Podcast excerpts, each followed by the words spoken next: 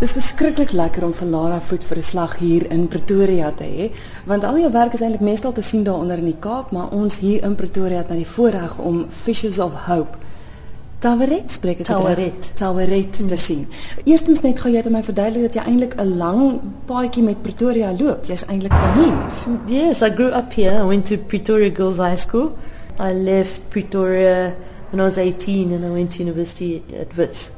So um, uh, my family are still here and I visit quite often.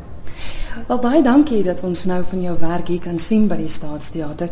Dit is 'n produksie wat twee Fleur de Caps gewen het. Mm. So dis nie onbekend aan baie van die luisteraars nie. Maar vinnig gou Fishes of Hope.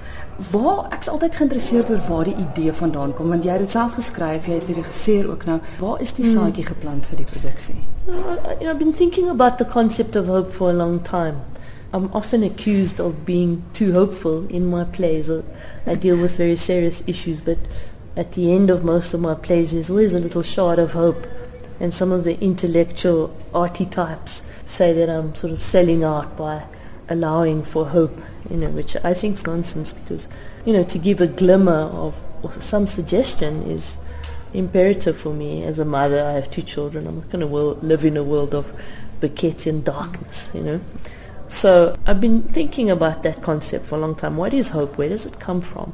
Are you born with it? Is it an instinct? Do you get taught it? Is it a belief that a mother or a priest teaches you about? And what do you do without it?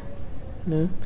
I mean, for a long time, as South Africans put all our hope into Mandela, you know, and his, his release and his freedom. And it struck me the day he died, uh, you know, well, where's our hope now? Do we need to find another emblem or symbol of hope?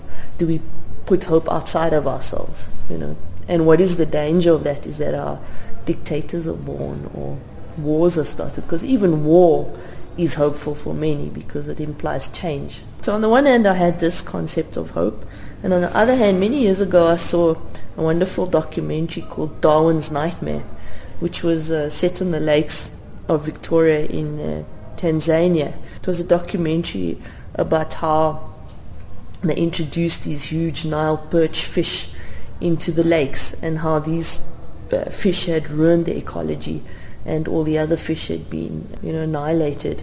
So the, the idea of this foreigner fish coming in and, and causing extreme poverty in the community. They showed, you know, how, how the various people from uh, Russia, from England, from Belgium would fly in aeroplanes and take out these, you know, millions of tons of fish. And the actual people living in the fishing village couldn't afford to even eat one fish. Mm. Even the fishermen weren't allowed to have a fish for you know for supper. And so uh, you know, so there was that, and then there was a concept of hope, and then there was also my idea that I really wanted to write a play not set in South Africa. So I didn't want to be um, sort of uh, pinned down by a social issue of South Africa or a political issue, and I wanted some freedom in my imagination, and at the same time being an African and never having been taught about Africa as a child um, I felt like I wanted to venture into Africa and um, have a better understanding of the continent. And so the idea was that I would go to Kenya and uh, stay at the lake for a little while and try to understand what was going on with the fishing economy. So all these different elements came together uh, for me to write the story Fishers of Hope. So is dit dan ook waaroor die storie gaan of, of vertel vir ons van die karakters? Hoe pas Ja, hulle? Want ek weet daar's that's ook 'n daar's ook 'n storieverteller. Yes, I mean that's the context or the backdrop. But really, it's a story about a family and how they try and survive the social conditions. And one of the members of the family, the patriarch, is uh, uh, nearly killed in an accident with a hippopotamus, where a hippopotamus, you know, bites his, bites him. And in fact, I met this character in Kenya who uh, had been mauled by a hippopotamus, not something unusual on the lakes, you know. And um, really, what I wanted to understand is that I took each character and I I related them to hope. So each character's relationship with hope, and according to their loss, their love, uh, their pain, their conflict, what was their specific relationship to hope? I wanted to explore the psychology of a family without necessarily relating the personality to a social condition or incident. Because Africans are often, and when I say Africans, I mean all of us, are often um, related to an incident of violence. So there's a sort of portrayal in the media, in film, in theatre, of people in relation to, as opposed to people themselves and their psychology. So I wanted to stay with the psychology of relationships mother, daughter, uh, brother, husband, lover. You know, what, what are the relationships within that family? And how do, do their circumstances change the, their attitude to their relationships and change their attitude towards hope? So there's a landscape, a dreamlike landscape, set against this uh, poverty-stricken community.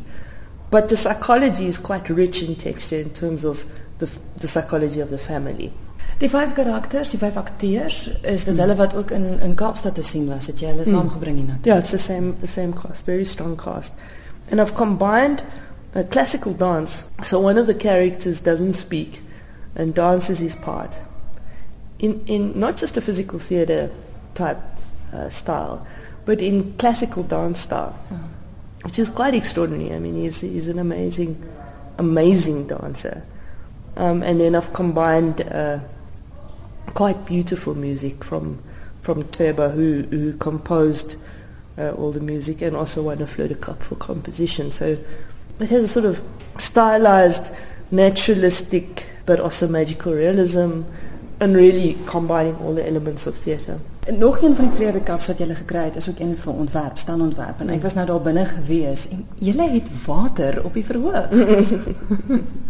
Well, of course, we're at a lake, Yeah. so uh, water, and of course, the symbol of water and fluidity and rebirth. And for the dancer to dance in the water is quite spectacular. Maar dit het seker sy tegniese uitdagings. Yes, of course. it's quite a big set. I mean, it's uh, quite complicated. And all credit to Patrick Curtis, the designer, because you know he put together this landscape, which is real but not real, dreamlike but not dreamlike. And you know, I wrote in the script, "There's a lake," and I wanted water, but it was his, you know, his job to find out how to build that.